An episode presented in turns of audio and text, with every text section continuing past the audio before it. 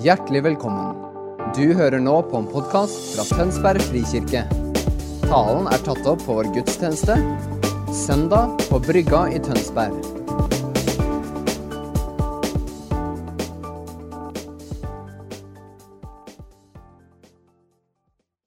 Hei, velkommen til Tønsberg frikirke. Jeg heter Trisha Alfheim, og jeg har fått privilegiet å dele med dere i dag. Som dere kan kanskje høre og vite, jeg er ikke norsk, og jeg deler i dag på engelsk, men eh, jeg har lagt opp en eh, manus på norsk i Facebook-gruppen hvis det hjelper å følge med. Temaet i dag er 'Vi synger ut til Gud av et takknemlig hjerte', fordi han er You know, it's easy to be grateful when spring is here, the sun is shining, and the pandemic that has gripped the world for the last year might actually be coming to an end.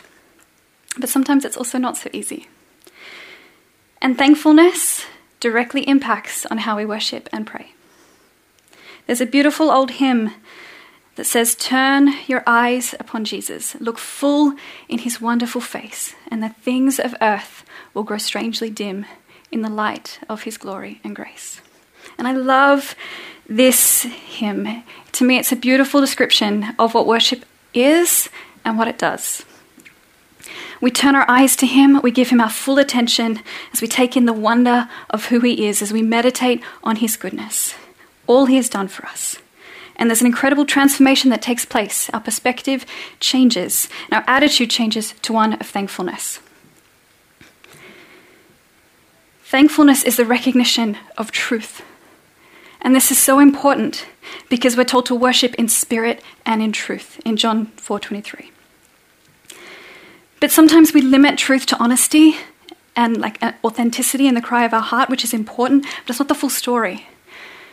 Truth is where our honesty meets his truth. This is hard, but you are faithful. I am weak, but you are strong. I feel alone, but you are with me. And sometimes we need a little nudge from the Holy Spirit to step out of honesty and into truth. Jen Johnson wrote a song we've sung here many times, God, I look to you. And the original lyric was, God, I look to you when I am overwhelmed. And the Holy Spirit nudged her and said, If you sing that, you'll stay there. So she changed the lyric to be his truth God, I look to you, I won't be overwhelmed. But we can't just sing and praise and use all of these wonderful expressions of love if our heart is not actually in it. Honesty is important for connection. God values our honesty and He has compassion for our circumstances. He encourages us in 1 Thessalonians 5:18 to give thanks in all circumstances, because that is God's will for you in Christ Jesus. Thankfulness is often a response to something, something retrospective. We're given something and we feel thankful. It's reactive. But this verse tells us that we need to be proactive with it, to live in, in an attitude of thankfulness. And it takes faith. But in Him, our faith is actually very well placed. Psalm 100, verse 4 in the Passion Translation, and I love this translation for this verse. For the Lord is always good and ready to receive you. He is so loving that it will amaze you, so kind that it will astound you. And he is famous for his faithfulness towards all. Everyone knows that God can be trusted, for he keeps his promises to every generation. You know, it's his will for us to be thankful because he knows that thankfulness actually makes us happy. It makes us more like Jesus. The more dependent we are on him and the more we recognize our dependence and give away our independence, increases our thankfulness. But to be dependent on him, we need to trust him. If I put it another way, if we, when we deeply trust Him, we depend on Him for everything. And we surrender entirely to Him. And we become thankful then for all that He does. We recognize that all that happens is because of Him. And this attitude is so important because this is the foundation actually of worship. We've talked about spirit, worshipping in spirit and in truth. We've talked about truth. Now, spirit. This is foundational. We sometimes limit spirit to be singing in tongues or a prophetic moment, and that's included in it, but it is so much bigger than that. Worshipping in spirit is about the new covenant. The Holy Spirit is the evidence of the new covenant. So when we worship Jesus, the Holy Spirit is with us, whether we're really aware of it or not, whether we feel it or not, He is there and He's working in us. Why? Because in surrendering to God, we create space for Him to come and work.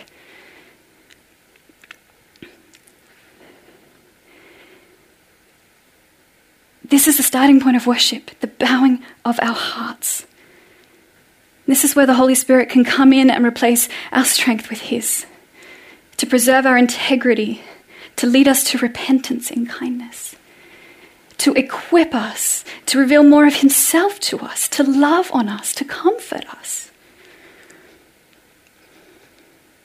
But surrendering is the starting point, and thankful hearts surrender without a fight.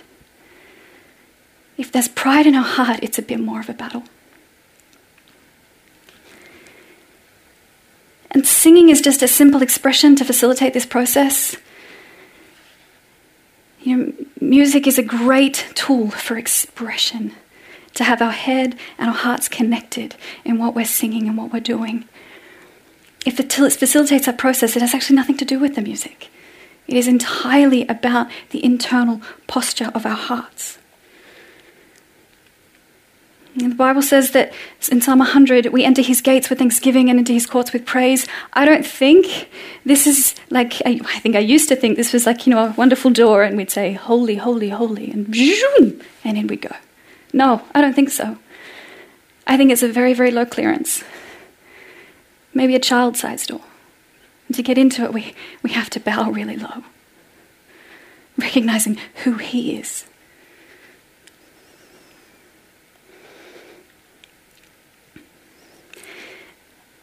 From this attitude of surrender comes the next really crucial part of worship in the Bible. It's many things, but it is always attitude. And there is very usually action that comes after that. Action is the fruit of the attitude, it is obedience to what God asks us to do. It's the outworking of our faith. And this has another word that we use often that's mission. You know, the archbishops of Canterbury and York define the purpose of a cathedral, and I think this can be applied to any church in the body of Christ. So the purpose of the cathedrals are twofold worship and mission. And I don't think the two can be separated. And the thankful heart is actually the start of both. We can't, we're acting in obedience, but there's no surrender in our hearts, it's not really obedience. And if we're worshipping without surrender, without recognition of who He is, then we're not really worshipping Him.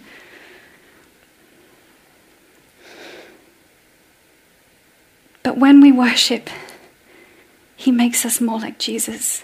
When we act in obedience, we become more like Jesus. And there's this wonderful cycle that happens.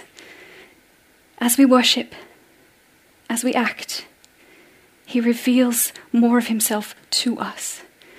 There's a wonderful kind of uh, idea of theology for doxology. Theology, obviously, being the study of God, and doxology being worship.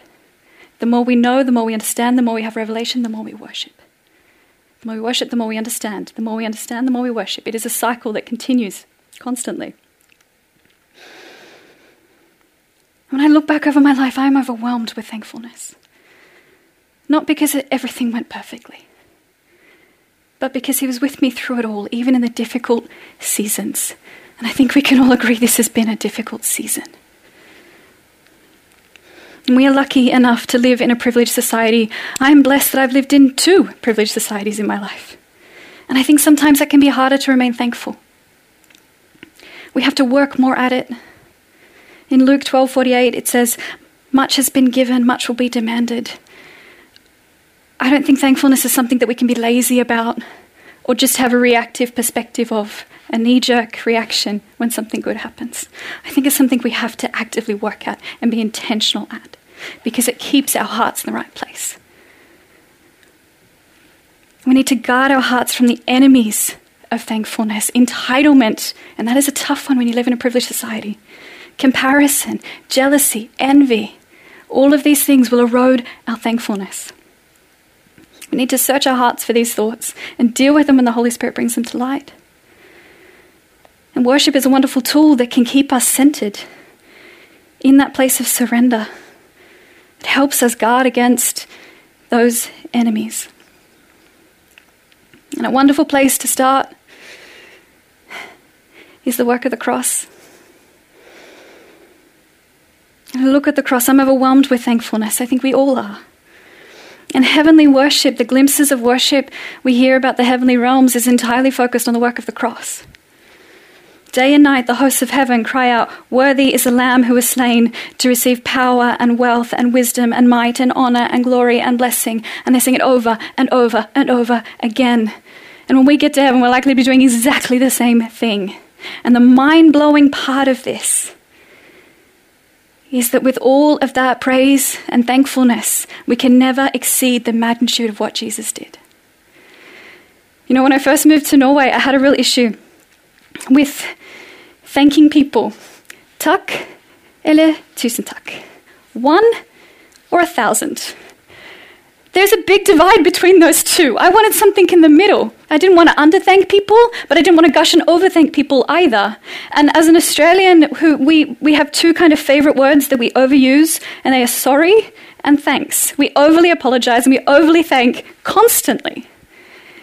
And I didn't know how to like apply these these two different terms, and I know that there are others as well, but I was mainly taught tak eller tusen tak, and so I would you know say tusen tusen tusen tak when I get the receipt from the cashier at Rema Tusen, and she'd be like, bare hyggelig. But the wonderful thing about Jesus is this doesn't matter because if we use every single breath of every single moment in our life to praise and thank Him, and we do it all again in heaven, it is still not enough to match the magnitude of what He did on the cross. It's never enough.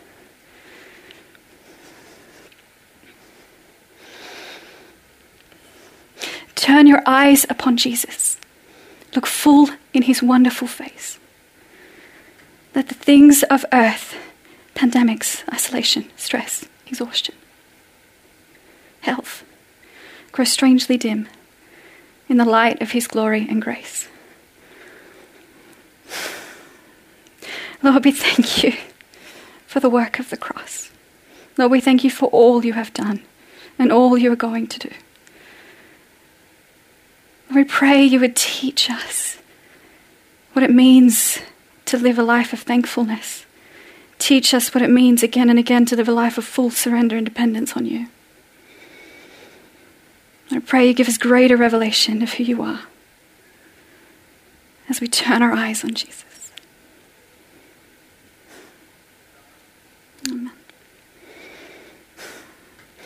Gud velsigne deg og bevare deg. Herren lar sitt ansikt lyser over deg og være deg nådig. Herren løfter sitt åsyn på deg og gir deg fred. Amen.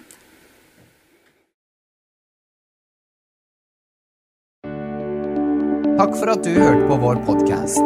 Har du spørsmål eller ønsker du å vite mer? Søk oss på vår nettside tonsbergfrikirke.no. Du er også velkommen til kirke på Brygga i Tønsberg.